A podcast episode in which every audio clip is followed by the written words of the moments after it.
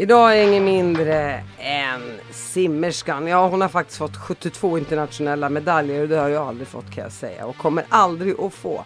Två OS-silver, ett OS-brons och faktiskt VM-guld. Eh, fan, man börjar bli lite sotis här. Eh, du har skrivit två böcker och du har kommit trea i Mästarnas Mästare. Gud, kärt barn har många namn. Välkommen hit Therese Alshammar! Tack så mycket!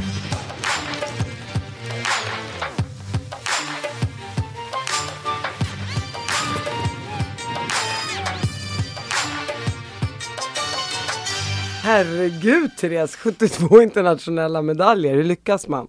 Ja, man tränar länge och mycket och hittar det man gillar. Framförallt det. Liksom man börjar inte med sin idrott för att man vill vinna medaljer oftast, utan jag började simma när jag var liten för att jag gillade att vara i vattnet. Och blev sedd och hade bra tränare och ledare och sen framförallt nästan alla mina kompisar i simningen. Burrows furniture is built for the way you live. From ensuring easy assembly and disassembly to honoring highly requested new colors for their award-winning seating, they always have their customers in mind. Their modular seating is made out of durable materials to last and grow with you. And with Burrow, you always get fast, free shipping. Get up to 60% off during Burrow's Memorial Day sale at burrow.com slash ACAST. That's burrow.com slash ACAST. burrow.com slash ACAST. When you're ready to pop the question, the last thing you want to do is second guess the ring. At Bluenile.com, you can design a one of a kind ring with the ease and convenience of shopping online. Choose your diamond and setting. When you find the one, you'll get it delivered right to your door. Go to Bluenile.com and use promo code LISTEN to get $50 off your purchase of $500 or more. That's code LISTEN at Bluenile.com for $50 off your purchase. Bluenile.com code LISTEN. Du eh, Therese, innan vi kommer in på hela karriären och allt det där. Berätta lite om din uppväxt. Oh, jag är uppvuxen i Sundbyberg, en förort, Stockholm. Med en mamma som simmade själv. Så hon simmade OS i München 72 och simmade final, så hon var liksom en duktig simmerska. Min pappa är hantverkare och jag har två yngre syrror. Och jag tror att mina, framförallt min pappas generella mål för mig var att när man växte upp att man skulle, han gillade liksom lagidrott och sport för att det var gemenskap. Och min mamma gillade nog sport för att hon hade varit framgångsrik i simning. Så jag, jag är ganska säker på att de hade olika mål men hade gemensamt bestämt sig för att jag och mina systrar skulle hålla på med sport. Jag tror också min pappa har tre döttrar. Skönt att inte se dem ute på kvällarna så mycket, att de är upptagna med andra saker. Så att mina föräldrar var väldigt involverade, skjutsade mig till och från och jag gick på extremt mycket olika idrotter tills jag var typ 10-11. Och då fick jag välja vad jag ville fortsätta med mer för att alla idrotter börjar kräva mer tid. Så när jag var 10-11 år så valde jag simning, för jag tyckte att jag hade roligast kompisar där. Och dina syrror då, vad valde och de? Mina syrror valde också simning och basket. Och höll på med bägge ganska länge. Men sen när de bägge kom till typ, ja, den åldern de flesta slutar, när man blir typ 14, 13-14, då eh, slutade de bägge med simning. Och sen höll de på med basket ett tag till, bägge två. Och hur har gått, hur gick det för dem? Ja, men de hade nog liksom mycket glädje av det. Och min yngre syrra höll på mycket med dans och gick dansgymnasium. Men ingen, eh, ingen av dem blev elitidrottare på det sättet som jag blev. Men jag tror kanske också att vi hade det här arvet av att min mamma hade varit på OS och att jag då satsade på simning och vart... Jag var ingen talang som ung och jag var inte alls speciellt bra när jag var liten, vilket jag tror kanske är grunden till att jag höll på så länge. Men eh, jag tror för mina systrar så var det nog väldigt mycket simning. Och de åka med varenda helg i simhallen. Och så, så att jag tror att de var lite trötta på det innan de ens hade börjat sin egen resa i simningen. Hur, jag menar, jag vet eh, som elitidrottare det är helt fascinerande. Man, man simmar ju eller man spelar basket eller vad man än gör. Så tar det ju väldigt många timmar i veckan. Mm. Men, men i ditt fall, hur mycket tränade du och från vilken ålder började du köra riktigt stenhårt? Ja, men jag hade tur att ha en ganska duktig ungdomstränare. För, äh, från början då när jag växte upp i Sundbyberg så var jag i Sundbybergs simklubb. Sen bytte jag klubb ganska ofta för att min mamma var rätt målmedveten om man ska underdriva det hela. Eh, så, att, så, så fort jag inte tyckte det var roligt eller ville sluta simma så bytte hon miljö på mig. Så när jag var 13, nej, ja, 13 då hade jag varit i fem olika simklubbar. Åh herregud. Ja, så då förstår man att det ligger liksom ett ganska stort arbete från mina föräldrars sida bakom till att få mig att fortsätta trivas och hitta bra tränare. Och då när jag var 13 kom jag till en klubb eh, som heter Järfälla och där hade man ett jätteduktigt eh, ungdomsgäng. Och där fick jag ja, men liksom jätterolig gemenskap, kompisar och bra tränare som var väldigt måna om att skynda långsamt. Så att det inte skulle vara... Alltså vi började med morgonträningar och man tränade ganska mycket. Kanske, ja, kanske simma sex, sju pass i veckan. Men inte att det var så här kasta på allt man kan, utan min tränare är väldigt mån om att vi ska ta ett steg i taget och spara lite. Man vill hela tiden kunna addera någonting så att man inte bränner ut sig. Smart. Och, ja, jättebra. Och den alltså guidningen och de råden, de är ovärderliga och det är något som jag är jättetacksam för idag. Så att jag tränade ju mycket. Man spenderar liksom nästan varje dag efter skolan i simhallen och då kanske två dagar innan skolan, morgonträning i simhallen. Men eh, ja, jag ska inte säga att jag är någon sån här mängd. Jag har inte gjort för mycket utan varit mer noggrann med teknik och att det ska vara roligt och simmat liksom, ja, ofta men kort. Det känns ju ändå som att om du hade varit ryska att det hade varit tre timmar på morgonen och fyra timmar på eftermiddagen. Garanterat. Mm. Det känns inte som att du har slitit ut din kropp. Nej. Och sen är väl simning kanske mer behagligt för kroppen. Man Mm. blir inte lika... Nej, simning är ganska skonsamt och anledningen till att man kan ligga i så många timmar per vecka, det är ju för att det inte är liksom några hårda stötar och slag. Det är liksom väldigt låg skaderisk. Och man jobbar med liksom hela kroppen med mest hjärta, lungor och ja, och för barn så är det en väldigt så bra skonsam idrott. Man, Man, man jobbar med lungor och hjärta. Det verkar som att det inte finns något bättre. nej, nej, men det är en väldigt, väldigt bra träningsform. Men jag tycker att det är så tråkigt. alltså, jag, det är därför jag kan säga att simningen, jag tittade lite i somras nu. Jag är så fascinerad när de kör den här fjärilsimningen och när liksom kroppen går lite som vågor Ja. fram. Jag bara, men hur gör de? Och hur, och, hur fort det går. För det går ju väldigt fort. Mm. Ja. Och då kan jag tänka mig även när man ser från, från tvs håll, eller när man, när man tittar på det eh, som eh, tittare, att det ser långsammare ut än om man är där i verkligheten. Ja, speciellt om man skulle, nu alla är lika bra så det ser så himla snabbt ut. Att alla, men om man skulle sätta någon som är normal begåvad bredvid någon av de här i världseliten så ser man ju hur, verk, hur snabbt det är i verkligheten. Ja såklart, för alla är Ja. supersnabba. Ja, nej, men man får ju, det är ju... Men jag tror att om du vill lära dig simma så ska man vara bra på att få olika övningar och tips. Och man kan ha ganska mycket redskap för att göra simningen roligare. För jag tycker liksom, jag förstår att det kan upplevas monotont och ganska enformigt. Men när man är under vattnet får man ju, du vet när man badar med barnen, det har du gjort, eller hur? Om man dyker ner och så här, hör det här ljudet som bubblar, brusar och man känner sig lite tyngdlös. Och det är den känslan man ska försöka leka fram. Och så kan man ha fenor, man kan ha olika så här, paddlar och så kan man göra massa olika övningar så blir simningen inte så tråkig som du, Nej, du tror eh, att den är. nej jag, jag, alltså grejen är så här, jag fattar att jag förstår att varje grej har sin egen bubbla. Mm. Och när man inte förstår bubblan, då förstår man inte hela grejen. Mm. Och när du går in och berättar hur man ska tänka och också så här om man blir bättre på någonting och, och, och ser man sig själv som värdelös och någonting som i simning då. Jag tycker det är så tråkigt efter 25 meter. Jag bara, men jag orkar inte längre på riktigt. Eh, men om man kan hitta ett sätt och som du säger och se det med helt andra ögon då kanske man också skulle uppskatta det på något sätt. Ja. Men, men eh, vad skulle du ge för typ tre bra tips till någon som inte gillar att simma? Ja men om man då, okej, egentligen skulle första tipset vara så här, hitta en bra lärare som gör det roligt för dig. För det är mycket det, att man kan lära sig, det blir kul. Men om man ska ha tre tips som man inte, om man vill lära sig simma, då skulle jag ha, köp fenor, jobba på den här streamlinen, att ligga så här lång och smal och utsträckt och bara försöka hitta, ja, du kallar det vågrörelse, men liksom en så här guppande och hur man känner hur man rör sig med vattnet. Så fenor på, öva streamline och sen ja, men bara försöka hitta den här känslan. När vi simmar så tror man att man flyttar vatten. Men det som händer är att man flyttar sig själv fram i vattnet. Så då kan man leka med så här, hur får jag tag i någonting och kan flytta mig fram. Skulle du säga att det är som att åka skidor ungefär? Ja, men, Man ja, känner sig fri på något precis, sätt. man känner sig väldigt fria. Om man, jag har inte hittat det där glidet i skidor så jag bara, nej, inte för mig. Men, eh, jo, men lite som att när allting sitter, man hittar liksom tryck och skär. Det är väl det, att kan man hitta greppet i det här luriga elementet vattnet som rör sig hela tiden, då är det en fantastisk känsla. Så här, vatten är ju en annan, en annan dimension, för väldigt många är rädda för vatten. Har man inte lärt sig simma som barn, eller varit mycket i vatten, så är man rädd. Och spänner man sig i vattnet så sjunker man. Så det blir som en dubbel negativ effekt. Att man kommer in i det här otrygga miljön och man ska försöka göra någonting som man kanske både är obekväm med att vara i baddräkt eller badbyxa och sen så ska man försöka slappna av för att flyta. Och så är man rädd. Då blir allt man gör att ja, spänna sig och gå liksom hela biten förlorad, tyvärr. Och så här är det med allting här i livet. Ja. Gå tillbaka till din familj då. Känner Mm. du att eh, Känner du att du har blivit pushad på rätt sätt hemifrån eller kunde du ibland känna att din mamma var lite för mycket på? Svår balansgång att avgöra. Jag tror, alltså, jag har ju dels bara haft min resa, så jag har inget att jämföra med.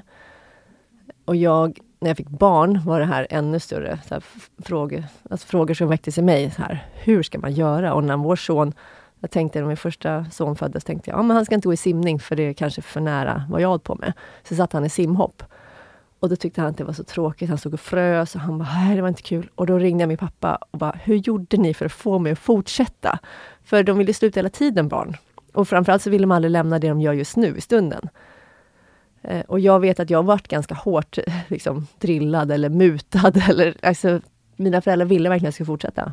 Och då sa min pappa att ja, vi hade så här, vi sa kortsiktiga mutor. Ja, liksom så här, vi gör det här nu och sen får du välja någonting kul efter aktiviteten. Och om du fortsätter till sommaren så får du det här. Alltså det var sådana saker för att få mig att komma över de här pucklarna eller hindren som alltid uppstår. Och jag ska ärligt säga att jag har gjort ganska likt med min son faktiskt.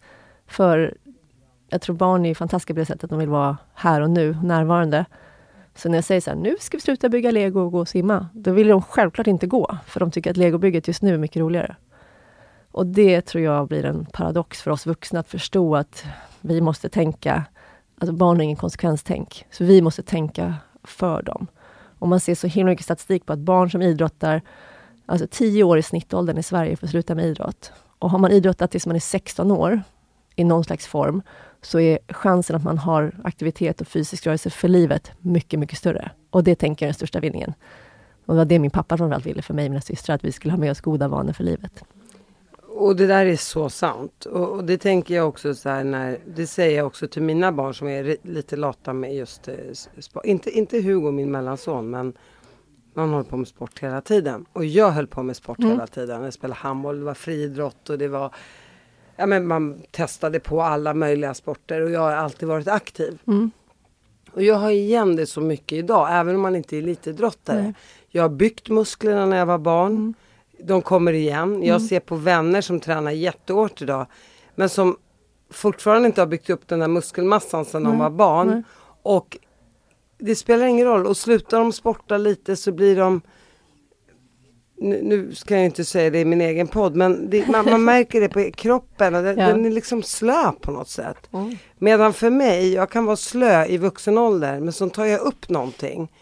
Och så har min kropp ett muskelminne som mina nära vänner inte har. Eh, så att det där med idrott, är, jag skulle säga in med mer idrottstimmar i skolan. Till det exempel. Ja. Och så vissa föräldrar har inte råd att skicka sina barn Nej. på idrott. Och, och jag tycker också så här, den endorfinen kroppen får och man blir lyckligare Mm. av att röra på sig och så vidare. Så sätter man in en extra mattetimme, en extra Mm. svenska timme. Ja, då är det bättre att sätta in sporttimmar. Ja. Det, det är min personliga åsikt. Ja, min med. Jag är helt med det där. Jag tror att det är en väldigt så här, demokratiskt sätt att lösa att alla får idrott. Jag jobbar med ett projekt, vi har skolsim, så vi försöker lära barn att simma på skoltid. För dels finns det mer tillgång till, sim, alltså till simhallar dagtid. Och sen så blir det också att alla får plats. För att det är både en ekonomisk fråga och sen kan det vara en socio, socio, so, alltså social fråga att man kanske inte går i traditionellt i simskola med sin familj. Eller föräldrar inte gillar att simma, så då tar de såklart inte sina barn till simhallen. Nej, för föräldrarna kan inte ens simma. Nej, precis. Det är en jätte- socioekonomiskt en också. jättestor utmaning. Ja. Och speciellt skulle jag säga många av våra muslimska föräldrar. Min mamma kan faktiskt simma. Bra. Men eh, eh, många muslimska barn tror jag i, nu i Sverige, jag vet när jag lärde mig simma, jag lärde mig simma genom skolan i fjärde klass. Så jag hade ju inte heller Ja. den där vattenvanan innan. Kanske därför jag inte heller tycker det är så himla kul. Eh, men eh, nog tror jag att många i förorten inte kan simma. Nu är det i och för sig plikt att lära sig simma i Sverige. Då var det fyran, det är ju en sak också man ska dra ner åldrarna. Klart man ska lära sig simma. Vi bor i ett land liksom, bara omgärdat av ett hav. Eh, så att eh, Jag vet inte i vilken Mm. ålder man lär sig simma idag. Men... Nej men nu är simprovet tyvärr, tyvärr framflyttat till sexan. Va? Ja, och sen är det nian. Så det är ju ett jättestort problem. Jag jobb, alltså, därför när frågan väcktes i mig väldigt mycket. För att i nian så får du inte godkänt i sim, så får du inte godkänt avgångsbetyg i nian. Och det är ett jättestort problem att det är där många fallerar på att få ett avgångsbetyg. Att man inte klarar Och, simning. och varför börjar man i sexan? Det är helt sjukt. Ja, men jag tror att det är en resursfråga. Så att man, vissa skolor då, det är upp till var, men i, man, i, liksom, i skolplanen så ligger att man provar, testar simkunnigheten i sexan och sen nian. Och där återigen, det är så himla orättvist. Då har vi, har vi haft våra barn på, på förskola på Mm. Östermalm. Mm. Där de tar barnen och simmar när de är tre, fyra år. Ja, det är fantastiskt. Ja, och sen så skolor i förorten. Mm. Ja, då kör de ett prov i sexan och ett i nian. Det är ju Mm. jättekonstigt tycker jag. Och framförallt vad jobbigt när man, är, när man går i sexan, att dels gå till simhallen om man inte kan simma. Eller att göra det här simprovet i sexan och inte klara av det. Det är inte så att man är jättemotiverad till att öva mer då. För man är ganska stor när man går i sexan och det är liksom skämmigt att inte klara av saker. Och det blir ju en... Ja, det, det kan nog en... Så det är ju jätte, jättefördel att simma när man är liten. För då är liksom hindren mindre och man lär sig snabbare. Men det är som att cykla. Cykla Ja. och simma. Ja. Man ska lära sig när man är liten. Och åka skidor egentligen Mm. om man har råd med det. Ja, Det hade ju inte jag men i alla fall. För att Ja. kunna komma in i det. ja. Men tillbaka till dig. Eh, Kan du vara, är, du, är du tacksam och glad för all, för all stöttning du har fått hemifrån? Ja, gud ja. Alltså jag har en jättenära relation med mina föräldrar idag. Jag tycker att ja, men jag gör ju samma sak som de gör. Jag tycker att det är ju en ynnest att få hålla på med idrott. Och att det är kul att involvera sig i mina barns idrottande och att stötta dem. Och jag ser det som ett mål att de ska bara hålla på tills de är 16-18 för att de ska ha goda vanor för livet. Alltså jag känner inte att jag har, och jag har inte det tänket i mig som person att det ska vara så här elit och att det ska satsas, utan det är mycket mer må bra, alltså psykisk och fysisk hälsa, att ta hand om sig själv och just den här, ja för mig var det jätteviktigt att ha en gemenskap. Man har ju kompisar i skolan men så får man andra kompisar i sport och det tror jag är fantastiskt att få uppleva. Och det ser jag nu på min äldsta son som är 10. att Han har liksom kompisar på två ställen, det är ju fantastiskt fint. Men ett OS-guld skulle inte skada. Nej, det skulle jag inte tacka nej till. Är Fred duktig? Eh, åh, så, jag vill inte, jag, bara, jag, vill, jag vill helst inte liksom ens tänka så. Jag tycker han, han klarar av mycket grejer, ibland tycker jag så här, gud vad han inte klarar av. Alltså du vet, ibland är han ju switched on och, och övar och gör bra teknik och simmar fint. Och ibland är han liksom, simmar typ i cirklar och under vattnet. Så att, alltså lite blandat. Men, men i slutändan handlar det om disciplin och Ja. hur kroppen växer och hur mycket muskler man genetiskt har och så Ja. vidare. Så att det, det, det vet man ju inte idag. Nej, man vet inte. Och jag tycker verkligen så här skynda långsamt. Nu har mina barn gått på fotboll och sånt. Och jag tycker liksom att alltså, vänta så länge som möjligt med att sia om framtiden. Jag tänker, i, i, vi har ju haft stora framgångar i Sverige just inom simsporten. Mm. Eh, nu med Sara Sjöström Mm. bland annat. Eh, vad beror det på? För att jag tänker så här, du säger själv att du hade en tränare som sa skynda långsamt och eh, man ska inte träna sönder sin kropp och så vidare. Och så tänker jag ju som USA med nästan 350 miljoner Mm. människor. Vad är det de gör för fel då, då jämfört med svenskarna? Är det att de kör på för hårt? Mm, det är en jätterolig fråga. Jag har gått på college i USA, så jag har tränat i USA också. Och jag tycker att det här eh, är, en jätterolig fråga att ta upp. För min liknelse, för att förstå, det som gör oss så bra i Sverige på många idrotter, vi är duktiga på jättemånga idrotter. Vi har liksom superstjärnor inom flera områden eh, i sport. Och eh, det är nog det här förhållningssättet att vi har så få individer att jobba med som urvalsantal, alltså, så att vi måste värna om individens väg. Så vi gör väldigt många så här, individuella upplägg. Så här, ah, vad behöver just du? Du behöver göra så här, det kommer passa dig. Eller ah, du har en fallenhet för det här, så du får göra på det här sättet. Och i USA så brukar jag säga att alltså man tar ett tjog ägg, kastar dem i väggen och ser vilket som håller. Och det ägget som håller, det, det blir Michael Phelps. Alltså en superstjärna. Och det tror jag är lite, ja men det är olika filosofier, men de har ju numren så de kan göra så. Ja exakt, Mm. de är bara 30 gånger fler liksom. Ja, 30 ägg. ja jag kan kasta dem. Ja. Jag förstår. De, de, de, de, har liksom inget tålamod heller då? då Nej men jag tror också för att man ser att det funkar, då fortsätter man göra så. Jag tror inte de har liksom behövt gräva djupare och se, men vad funkar just för det här? Sen har jag varit hos några tränare i USA som är jätteduktiga, som är bra på att se individernas behov. och göra liksom, skräddarsydda upplägg. Men de flesta kör liksom, det här sättet och så tränar man jättehårt och väldigt mycket meter tidig ålder och då är det klart några går sönder och inte håller men de som håller blir ju jätte, jättebra. Det, det, det är Darwins te teori, de, de starkaste överlever. Ja, men det är ju lite så. Ja, det är ändå rätt, tycker jag, fascinerande för att, att vi har så många in, individualister i Sverige. Det klingar ju inte med vår jantelag egentligen. Har du tänkt på det? Ja, de är lite motsägelsefulla. Ja. ja mm. Du ska inte tro att du är bättre Nej. än någon. Det är en lutterfågel, mm. man ska inte skryta, man får inte mm. säga att man är bäst. Man får helt enkelt inte vara en Zlatan, men Zlatan får ju ja. vara Zlatan. Det är rätt roligt faktiskt, det är därför jag älskar Zlatan. Eh, och ändå har vi stjärnor som dig, som Anja Persson och, och så vidare. Vi har ju sjukt många. Mm. Eh, och vad tror du att det beror på? Ja, ja, ja, det blir väl att är man skicklig som tränare och ledare på att se individens behov så kan man liksom stärka dem och göra dem på det sättet. Och sen tror jag att vi har den här jantelagen men det finns ett behov i nästan alla människor att få känna sig värdefulla, bli sedda. Alltså, det är ju både för och nackdel tycker jag då, man har barn med så sociala medier. Man, bara, man vill inte nära den här individualistiska, egoistiska grejen för mycket. För det är fine att vara individualist. Men det är en fin gräns till att bli egoist. Och har man ledare som är duktiga på att skilja på det, tycker jag att då är det jättebra att du kan ha ett individuellt upplägg. Men går det till att tänka att du är, alltså, att det bara handlar om dig, att du är center i universum, då blir det inte bra. För i sport handlar det också väldigt mycket om att vara del av en grupp och gemenskapen. Och nästan ingen orkar göra jobbet själv. Så när man står där och har liksom lyckats med något så har man ju en lista i huvudet, folk man vill tacka för att det är så många som är med på resan och gör det möjligt.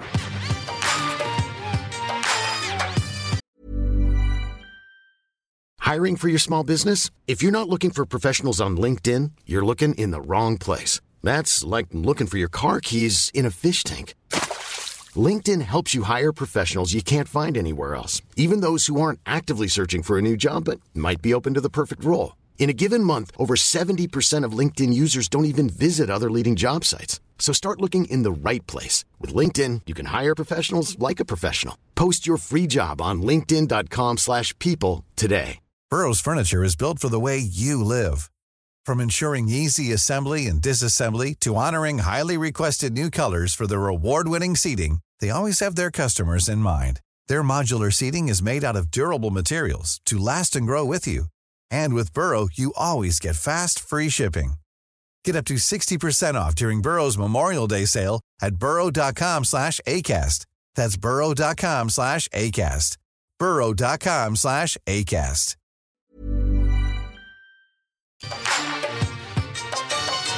När vann du din första medalj? Oh, internationella? Eh, internationell. Eh, EM i Sevilla, när gick det? 90... Oj, jag är så bra på årtal. Kan det varit, jag åkte till USA 90... Jag åkte till USA 97. 90, ja, 97. Tror 90, sommar 97. 1997. Då vann jag min första, då kom jag trea tror jag på 15 frisim på EM. Det var min första medalj. Och sen då åkte jag till USA, pluggade på college och sen efter USA så åkte jag till Tyskland och blev proffs. Och där tog jag, där gick det ganska snabbt framåt för på college var det lite kom si kom så med lite blandat träning, skola och annat. Men när jag kom till Tyskland så var jag en proffsmiljö och då, apropå den här radioövergången till dålig förlorare, så när jag fick mitt första, min första OS-medalj och jag var tvåa vart ju så enormt besviken.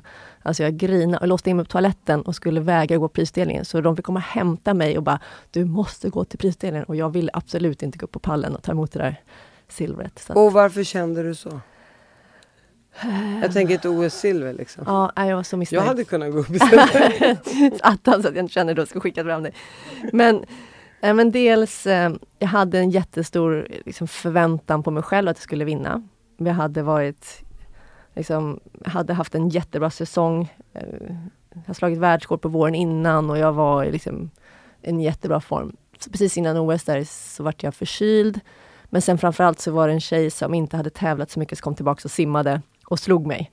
Och jag var bara helt oförberedd på att det skulle kunna hända och eh, ja, det är väl lite om, liksom, omdebatterat hennes eh, vad ska vi säga, fair play-status eller inte. Doping att, eller? Ja, ja, så att jag var väldigt arg, ledsen och bara besviken. Men det förstår jag ju. Mm. Om, om man är dopad och tar hem guldet. Men kollar Ja. man inte upp sånt? Jo, det kollar man. Och det, hon var ju aldrig dömd, så inget sånt. Men det var många, väldigt många frågetecken kring hennes... Eh, hon, hon la av i fem år, kom tillbaka. Och då vart hon bättre än vad någonsin varit. Och det är väldigt ovanligt att vara liksom över 30 och komma tillbaks bättre än någonsin. Nej, jag har legat i soffan och ätit chips i fem år och nu vill jag OS-guld. Precis, för som du sa, eh, när vi pratade innan, att oftast när man är runt 22, i simning så har man sin liksom, peak performance ålder runt 22-24 år. Och det är väl i de flesta sporter att man är naturligt bäst, allting svarar lättast, systemet är som starkast när man är runt 22-24. Ja, det är inte så mycket skador i kroppen. Nej, så det är väldigt få personer som kommer liksom efter 30 och blir bättre än någonsin. Då har man hittat ett jäkligt bra tränings, träningsupplägg. Var det det du mest störde dig på? Att du kände fusket glida förbi? Ja, vill, man vill aldrig så här, jag vill ju helst, man vill inte låtsas, att, eller man vill inte veta om att det finns fusk i ens sport. Och då simning är relativt skonad. Men det är klart att det finns och det är ju en jättetråkig upplevelse. För mig var det kanske att jag var ganska ung och jag hade förhoppningar om att vinna och så bara togs det bort. Ja, det låter ju, jag vet ju inte, men det låter ju rätt osannolikt att inte ha tränat på fem år, komma tillbaka när man är 30 och ta hem ett OS-guld. Ja, Alltså det låter som, det is too good to be true. Ja, liksom. hon, hade en, hon hade en fantastisk karriär sen, liksom i sin andra. Hon var liksom en ganska medioker simmare, slutade, kom tillbaks och sen så vann hon OS både 2000 och 2004. Hon har en jättebra karriär sen. Så att, antingen gjorde hon någonting helt galet när hon var yngre, eller så lyckades hon och lyckades väldigt bra i sin träning sen. Ja, för sen vann hon ju fyra år senare Precis, igen. ja. När hon var 34. Ja, jag kommer inte ihåg exakt, men hon var liksom äldre. Mycket äldre än snittet. Då, så att, Det är ju fyra år mellan OS-silverna. Mm. Tar du OS-silver fyra år senare igen? Nej, då kommer jag fyra. Så jag tar två OS-silver på mitt första OS och sen kommer jag fyra sen. Och sen... Eh, vad kommer jag sen? Sen kommer jag nog... Nej, sen sprack min baddräkt när jag var i Peking 2008. Så då missade jag final. För i semifinalen så... Jag vet inte, vi hade såna här baddräkter. Ett tag kom det en ny materialgrej. Och då kom det baddräkter med en eh, lång dragkedja i ryggen. Och den gick liksom ner från rumpan upp till nacken. Så kunde man bli väldigt komprimerad och ihoptryckt. Så man kunde se mycket snabbare med de här baddräkterna. Och den hade jag extremt mycket problem med. Så innan mitt lopp i semifinal så liksom gick dragkedjan upp.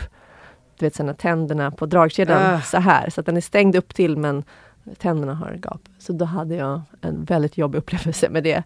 Eh, och sim, så fick de ihop bajten precis liksom innan jag bara, de höll starten så fick jag hoppa i och simma. Men jag simmade så dåligt så jag gick inte vidare till finalen en gång. Nej men då hade, du hade ju ledsnat psykiskt. Mitt huvud var inte där. Ja, det, det förstår jag. Alltså allt med sport, alla bara pratar om prestationer. Jag bara, ja men 70 procent är ju psyket också. Ja. Man får inte glömma det. Nej. Psyke, psyke, psyke. Och hur håller man psyket i form är en bra fråga. Mm, det här är Och sen också tänka med alla journalister och, och mediadrev och hela den Mm. biten också så här. Nu vet inte jag hur mycket, vad de har skrivit om dig genom åren men Ja, Therese är ur form, Therese kommer inte fixa det här. Therese vinner, Therese är, Det är väldigt mycket, man, antingen slår man ner det så höjer man upp till skyarna. Hur har du känt genom åren att media har varit mot dig? ja, men rätt okej tror jag. Och kanske självförvållat för jag var ganska ärlig och ganska, ja vad ska jag säga, ja men ärlig. Och jag har lätt för att visa känslor så jag kan grina och jag kan liksom skratta. Jag är nära till det. Så att för mig var det nog, media har nog varit okej. Och jag hade ganska tidigt den här förståelsen för att jag ska inte läsa vad som skrivs om mig själv. Jag tror inte att det är bra för min psykiska hälsa. Så jag försökte vara väldigt noga med att inte läsa eller titta vad som skrevs om mig. Eh, för att jag tror att den här, som du sa innan, att den psykiska hälsan och uthålligheten är så viktig. Och det handlar om att man kanske mer, alltså inte ur ett prestationsperspektiv, utan mer som person jobba med sig själv, att man kan stå stadigt vad som än händer. Att det kan gå bra eller dåligt, men att jag vet att jag har ett liksom, lika stort värde oavsett. Och det tror jag många idrottare behöver jobba bättre med. Det är svårt att alltid vara sin prestation. Eller framförallt är det ohållbart att vara sin prestation. Det är viktigt att få vara ja, en värdefull person oavsett. Egentligen borde man ju sätta sig ner hos en psykolog en till två dagar i veckan och bara prata. Absolut. Och, och få någon som bara höjer en och lyfter en. Mm. För att det är som du säger, det, det, det, det är ju en del av sporten så att Mm. säga. När du springer in och låser in dig på toaletten när du vinner ett, ett OS-silver. Mm. Vet journalister och alla om det här? Nej, det tror jag ingen. Det var de i landslaget. Vi hade en massör som var jättefantastisk. Så hon kom och knackade på och försökte få mig att gå till prisutdelningen. Och jag var helt, alltså jag ser ju, nu undviker jag gärna att titta på de bilderna, men jag är helt rödgråten och det ser förskräckligt ut på, prispallen. För hon får ut mig till slut så att jag går till prispallen. Jag kommer inte ihåg exakt vad hon sa. Men jag kommer ihåg att hade inte hon kommit hade jag aldrig gått ut från den där toaletten. Och hon måste ju ändå ha peppat dig och sagt det här gick ju bra Therese, kom Ja. igen nu för din skull. Mm. Dina föräldrar, var de där då? Eh, ja, min mamma var där. Ja. Försökte hon få ut dig ur toaletten? Nej, för när man är så här på tävlingar så är det så himla liksom, separerat. Så läktaren där åskådarna är, liksom, de får inte komma ner där vi aktiva är. Så jag träffar inte henne så. Men jag vet att jag hade ju... Ja, det var, hon, hon var nog så här mer... Det var första gången på över 50 år som en kvinnlig simmare tog en OS-medalj. Så hon bara, det här är ett jättestort ögonblick. Hon bara, du måste upp och ta emot den här medaljen. Och det är liksom en, men eh, jag kände själv att det bara var ett nederlag för att jag inte vann. Om du tänker idag i mer vuxen ålder, Mm. hur hade du agerat? Hur, hade- hur, hur hade du agerat idag? Åh, jag hoppas att jag hade Gjort likadant? säkert inte lärt mig att jota. Nej, alltså, ja, det är så svårt att säga. För vissa, en del i mig känner fortfarande så här, ah, jag skulle agerat på precis samma sätt. Jag skulle fortfarande blivit sur och missnöjd och varit liksom besviken. Eh,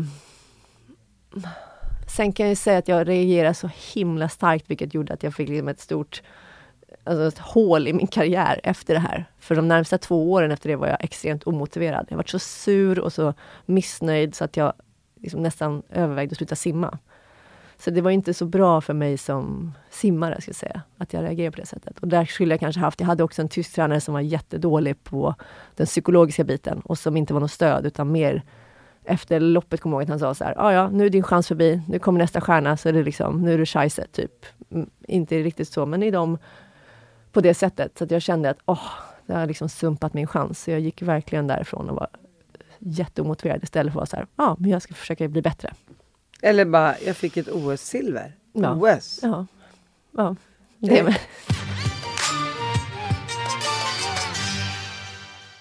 Du säger att du nästan gav upp och så vidare. Vem fick dig ändå hålla ihop?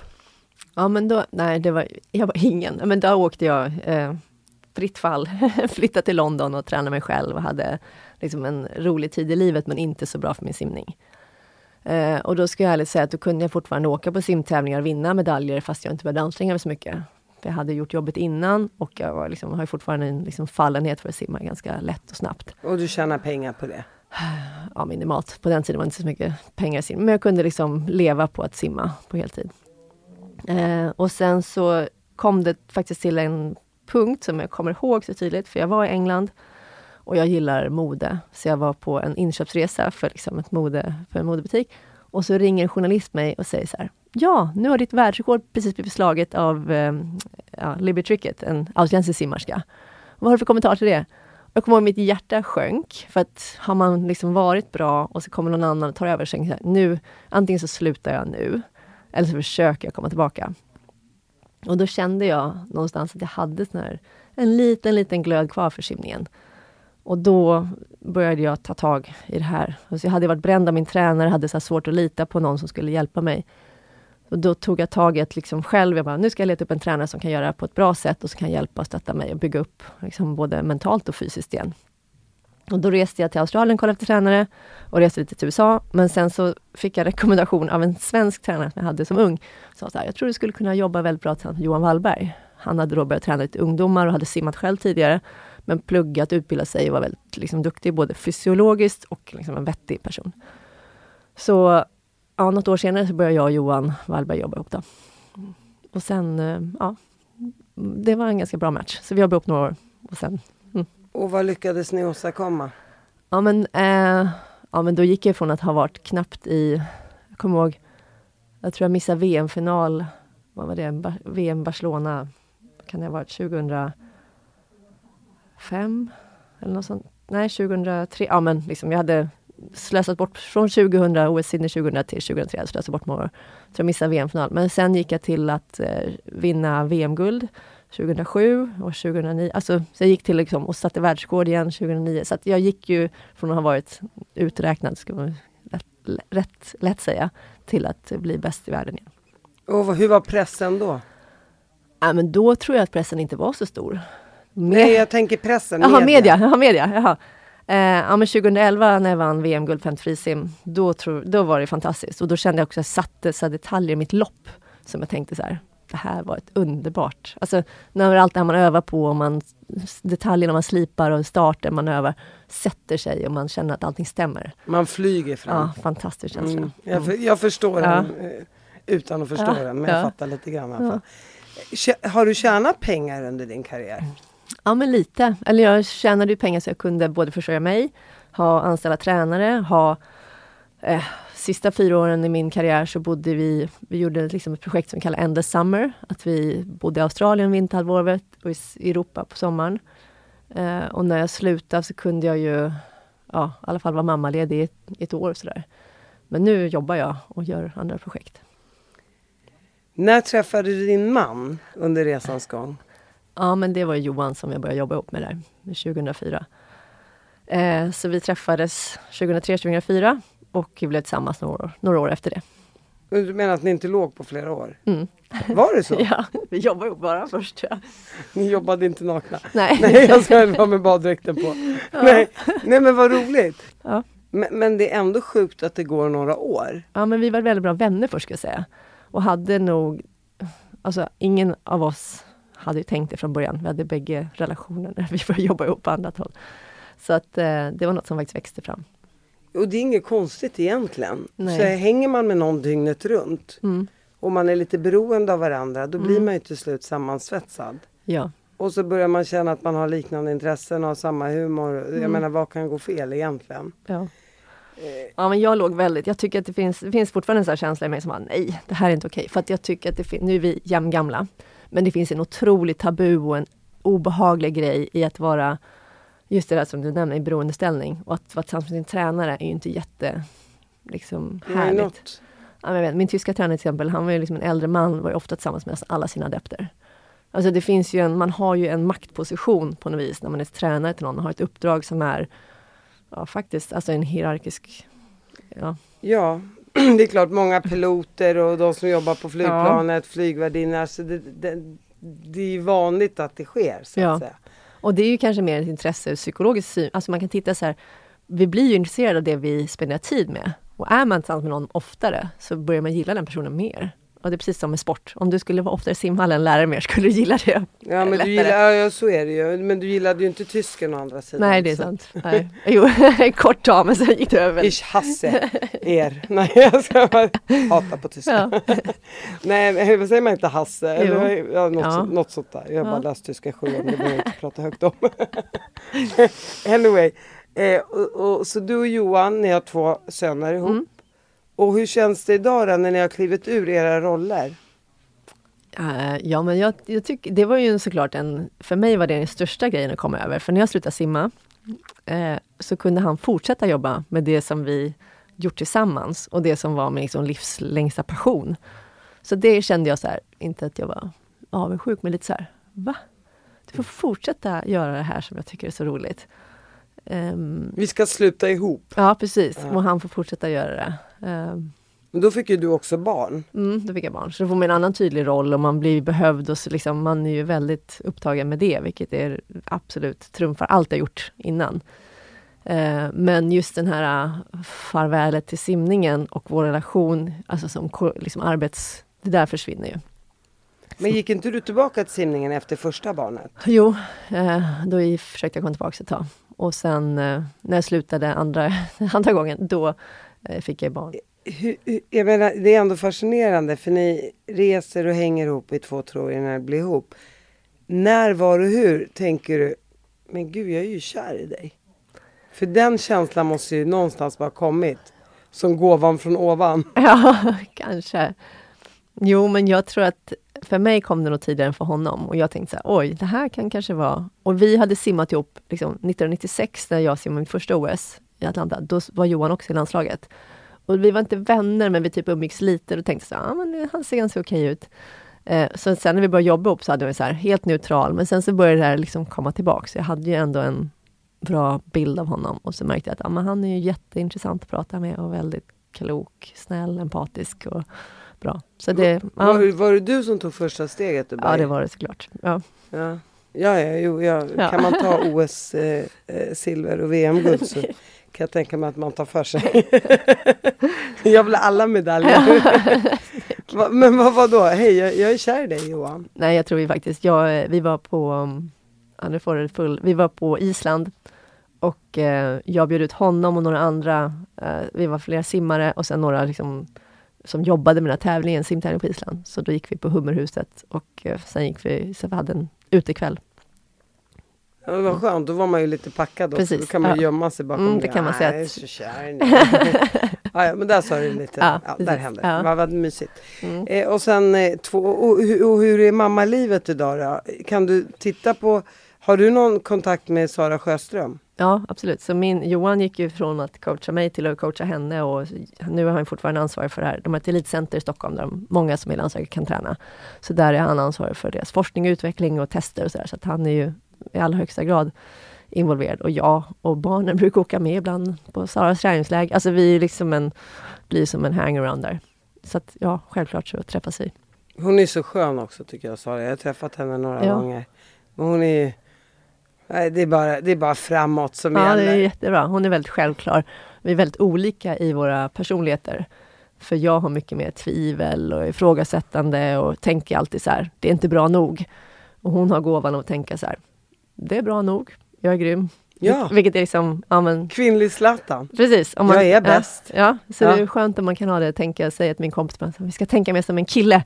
För att det finns någonting så väldigt kvinnligt, eller liksom tjejigt i att man ifrågasätter sin duglighet ehm, och kanske sin kapacitet mycket.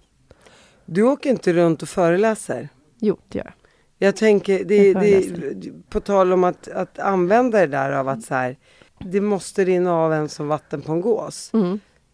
Jag, jag, jag kan också vara sådär på tal om, det är skillnad på självkänsla och självförtroende. Mm. Och folk måste lära sig se skillnader för det är inte alla som vet om det. Mm. Självkänslan är att man gillar den man är och man är trygg i Mm. sig själv och så vidare. Självförtroendet handlar ju om att så här, ifrågasätta om man är bra nog, som till exempel inom en sport. Mm. Att man också ska försöka höja den. För att även om man har bra självkänsla behöver det inte betyda att man har bra självförtroende. Och tvärtom. Ja. Jag brukar ibland bli lite fascinerad av att de som har superbra självförtroende har superdålig självkänsla.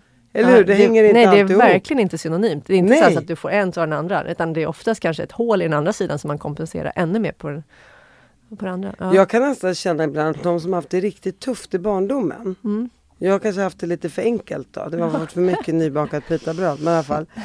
De som har haft det för enkelt, eller för svårt, Ja. förlåt. De som har haft det för svårt. Det är på något sätt som att allt rinner av dem som en gås när de blir äldre. Bara, nej men jag klarar det här. Det kan ju inte bli värre än vad jag hade det Nej. som barn. Så då blir de som en bulldozer när de blir stora.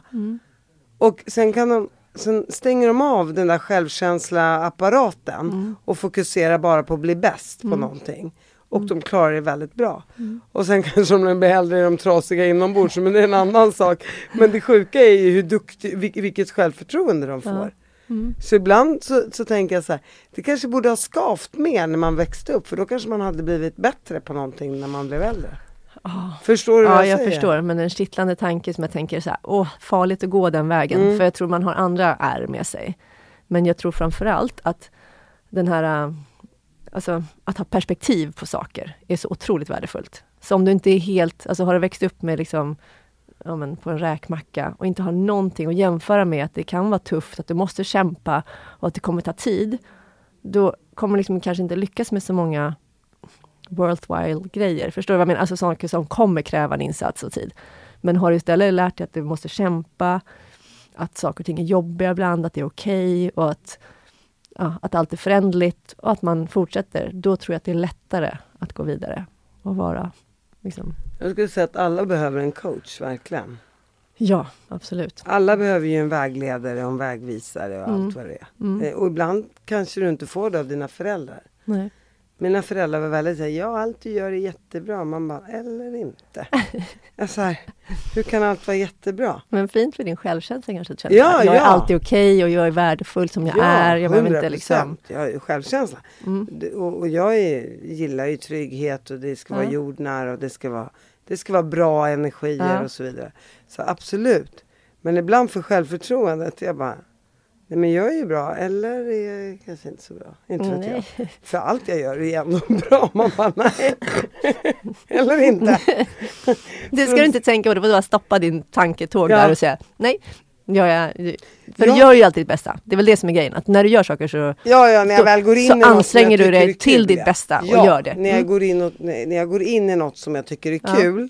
Jag är en ADD-person så Mm. jag gillar ju bara det som jag det jag tycker är kul, det, där ger jag järnet. Men det jag inte tycker är kul, då, då får jag inte nej, då är du inte där. inspiration. Då är jag Nej. inte där i huvudet. Tänker de här två åren, kan du sitta och älta det i huvudet idag och tänka Tänk om jag bara hade haft en mental coach eller tänk om, tänk om, tänk om? Frågetecken, frågetecken, frågetecken. Nej, Eller- nej det gör jag inte. Jag är, här, jag är faktiskt otroligt tacksam över mina upplevelser. Både liksom, kanske mest över de här jobbigaste. Jag är rätt så säker på att hade jag vunnit ett av de här liksom medaljerna i Sydney, ett av de silverna hade varit guld, så kanske jag hade slutat efter det. För att för mig så var det på den tiden så här, ja, det var målet att bli liksom bäst och sen var det fine. Och att få göra resan igen, att liksom få vara uträknad och vara jävligt dålig om jag ska vara ärlig och sen försöka komma tillbaka. Den resan var ju den roligaste jag gjort i hela mitt liv. Och det var ju med Johan. Ja. Så jag förstår att Kanske den var därför. jättekul. Jättekul. Nej men den var jätte, jättevärdefull. Eh, så att jag skulle säga att de, de sakerna, de här svåraste grejerna som man egentligen där och då vill ta bort, de vill jag man efterhand gärna ha fått uppleva. Är du lika kär idag? Du Oh. bara, nej jag är förbannad. Ja. Fråga med en, mon- en liksom morgon när det är stressmorgon, vem ska lämna, vem ska hämta mig? Eh, ja, nej men det här är ju någonting som man får jobba på också, som är alla, alltså relationer är ju ett dagligt arbete, man måste show up, man måste göra saker tillsammans. Man får eh, vara bra på att kommunicera framför allt. Och vi hade fördelen att vi hade jobbat ihop, så vi var, då var vi jättebra på att kommunicera. Sen när man får familj så tänker man så här, nu ska det här gå av sig självt, men det gör det inte. Man får fortsätta kommunicera och jobba på det. Och göra saker tillsammans framförallt som är roliga. Ja, och jag menar fråga mig, hallå jag har haft tre små barn. man vill ju slå ihjäl någon varenda dag känns det. Alltså, inte Ja. barnen eller Nej. mannen. Jag vill bara liksom Ja, vara men tydlig ju med vad jag jobb, ja. vill. Ja. Nej men det var ju vissa dagar. Och Jag kommer ihåg när jag var höggravid och hade små barn och man, sömnlösa nätter och det var asjobbigt och, och så, så kom det en kommentar i luften. Man ville bara "Sk- Skämtar du med mig? Alltså, så här, knivlådan. Ja. Nej men det, det är klart, det, det är upp och ner och det, det, det är slitet med, med småbarn såklart. Ja. Men jag tror det det, du, du satte, du nailade det när du sa kommunikation. Mm. För det är vad det handlar om också. ja. Och att man respekterar varandra Mm. och sådär. Mm. Men hur länge har ni varit ihop nu då? Det är Aha, fem, typ, 14? Ja, ja 15, 16 år. Mm. Länge. Väldigt länge. Mm. Så länge som man inte räknar längre, skulle jag säga nästan. Mm. Nej men vi har varit tillsammans länge. Inga fler barn? Nej, du känner att... Eh, peppa peppa. Alltså, om ett mirakel händer så gärna men jag, känner, jag, är rätt, jag börjar ju sent med barn tyvärr. På grund av min karriär. Vadå, Naomi Campbell? Hon var, ju 50 nu, fick ju barn. Oj, ja men det När är du född? 77. Ja, men, ett år eller nej, eller hur? Visst, ja, ja, du, ja, jag är bara barnet. du var barnet. jag med. I Skulle, sinnet. du skulle vilja ha en tjej känner jag. Ja det skulle väl alla om man är tjej själv. Eller förlåt, låter ju hemskt. Men nej, Nej, jag, nej, jag är jätteglad. nej. Men jag tänker mig att man, jag var så chockad första gången jag fick en son. För jag bara, men gud jag är en tjej, hur kan jag föda en kille? Det kändes som liksom någonting helt främmande. Att man inte kan, Tre syrror. ja precis tre syrror. Men ja, nej, livet är ändå fantastiskt. Jag känner mig välsignad med två barn. Du, du vet vad, du behöver inte försvara dig för jag kan tala om för dig att när jag fick min första son, jag har ju bara velat ha döttrar, visa sju döttrar jag vet att döttrar har man kvar sen när de gifter sig Ja. och de är nära familjen och sådär. Så kan folk säga precis vad de vill och man kan säga ja men min son är jättenära mig, absolut. Jag vill ändå bara ha döttrar. Mm. Får min första son och klart jag älskar min son mer än allt annat och så ligger jag och så tänker jag barn nummer två, flicka, flicka, flicka, flicka, flicka, flicka. Jag vill inte ha fler söner, flicka, flicka, flicka. Ja, och så ligger jag där och så gör ett ultraljud och bara jo det blir en son nu, grattis. Och jag bara, jag bara kände tårarna så här liksom trilla ner för kinden. Jag mådde psykiskt och fysiskt dåligt. Jag bara skämtar du med mig? Jag vill inte ha en son till. ja. Och sen Ja. försökte jag en tredje gång och så fick jag ju en dotter. Oh, Och det är klart man älskar sina barn lika mycket. Ja. Men jag vidhåller fortfarande att döttrarna har du kvar på ett helt annat Ja. sätt. Liksom. Ja, det om, man, om alla får leva och Ja. allt och det är inga Ja. sjukdomar och så vidare. Peppa peppa liksom. Ja. Eh, Men eh, Det är klart, så, så att jag förstår. Du behöver inte förklara så här, åh man får inte tycka och tänka. Jo det får man. ja. För att Ja, men- vissa vill bara ha söner, andra vill bara ha döttrar. Ja. Och i, vår, i muslimska världen ska vi veta vill ju alla ha söner. För de tar hand om familjen. Alltså att alla talar väl utifrån ett så egoistiskt perspektiv obviously. Mm. Så att det där behöver man inte skämmas för. Och, och, och nu har du skrivit två barnböcker. Mm. Ai- Aisa, Aisa. Man Ajsa. får, vad, vad är det för namn? Ja, men jag hittade på det. Sen skulle jag lagt in ett H säger det här, eller hur? Aisha. Aisha. Ja, men man får säga hur man vill. En del säger faktiskt Aisha om det här ändå, men Aisa i simhallen. Eller, ja. Ja. Eh, och det handlar om en tjej som vill lära sig simma. Så det är liksom en fiktiv berättelse, men i permen längst bak så är det övningar som man kan göra tillsammans med sitt barn för att lära sig simma. Och så skrev jag en bok till som heter Aisa och lillebror simmar, som är där övningar i permen. Det är också liksom en berättelse när hon övar lite och när lillebror badar första gången. Och sen så finns det övningar i permen för både hur man badar med sitt lilla, lilla barn, kanske i badkaret hemma och gör dem vattentrygga och vana. Och sen hur man då kan, liksom, vilka tips och tricks man kan ge sitt lite äldre barn. Så egentligen borde jag läsa boken. Du borde läsa den ja. det hade varit underbart. Vad var det, vad skulle jag ha sa du? Ja, du ska, du ska ha. Fener, så ja, fener. Du kommer ta dig fram lättare och flyta liksom, och ha lite styrfart. Men apropå det här, nu ska jag lägga in en helt annan tanke. Men du pratar om psykologisk liksom, trygghet. Och när jag fick söner och som man själv är tjej så har jag svårt att relatera till uppväxten. Och, att man, och då läste jag en jätterolig studie på vad det är för skillnad på tjejer och killar. Och det är när man är liten och växer upp som tjej så får man oftast bara höra positiva saker runt omkring en. Man får höra att man är söt, att man är duktig, liksom att man är bra. Och som du fick Sara, som du säger, att ja, men jag, du är bra på allting, att liksom allting är perfekt. Och som kille, när man växer upp, så är det en annan jargong.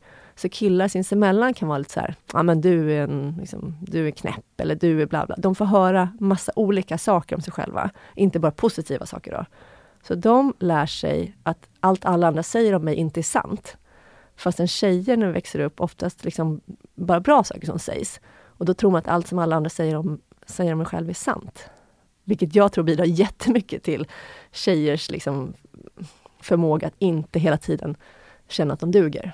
För man litar för mycket på vad andra säger om en. istället. Otroligt. Ja. Den där har jag aldrig hört. Nej, jag gillar den jättemycket, för Ja. det ger en ganska mycket förståelse för hur vi liksom tidigt fostras i det här. Och man märker ju det att det är mycket lättare att säga till en liten flicka med att Åh, du är söt, du är så fin! Och så kanske man inte gör på samma sätt till killar. För att killar sinsemellan har en sån jargong, att de bråkar, busar och säger lite grejer till varandra. ser planerna ut framöver då? Ja, men jag, jag föreläser lite om motivation och sen även om liksom prestation och eh, olika drivkrafter. Så det gör jag lite under hösten. Jag skriver på en till barnbok, fast kanske mer riktad mot lite äldre barn. Skriver om det, där mina barn är själva. Men jag skriver om att börja, Mohammed 12 år? precis, och börja tävla. Alltså första introduktionen till hur det är att tävla och vad det som är liksom men jag har lite olika exempel på bra tränare och kanske mindre bra tränare, så att man kan förstå att det kan skilja sig. Eh, Att man skriver på ett enkelt sätt. Så ja, att så att det... barnen kan läsa själva, sådär förhoppningsvis. Har det gått bra med böckerna? Ja, det har faktiskt gått jättebra. Ajsa i simhallen har, ja men gud, ja men den har, vi har tryckt den flera gånger. Det är jätte, ja, hos Bonnier Carlsen, de har, de, de, det har varit de, jättekul. de är duktiga, Ja. men det är du som har skrivit det. Ja, men det har liksom, det har varit jätteroligt. Det är inget sådär som jag ser som ett jobb, mer som en passion och som någonting som är väldigt kul att få sprida. Jag tyckte själv när jag fick barn att det saknades en bra bok om att gå och bada med sitt barn. Du jobbar ju en del ideellt också Mm. med att få barn att komma till simhallen. Ja. Tar det mycket tid? Eh, Blandat. Nu har vi haft lite paus, men jag har haft lite olika projekt med kommunen och med regeringen så där, för att få folk att ja, men, dels väcka frågan att det är ju viktigt att gå och simma. Eh, att det är en livskunskap som räddar liv och att det är ingenting som... Alltså man måste öva på det, man måste vara i elementet vatten för att lära sig. Men eh, ja, jag tycker att det är roligt framförallt. Jag tycker inte att det är... Ja, men jag tycker att det är en viktig fråga som jag tycker är rolig att driva. Det förstår jag. Tack för att du kom hit Therese. Tack för att vi fick Tack. komma. Ja, men självklart. Det är så trevligt att ha dig här. Vad kul.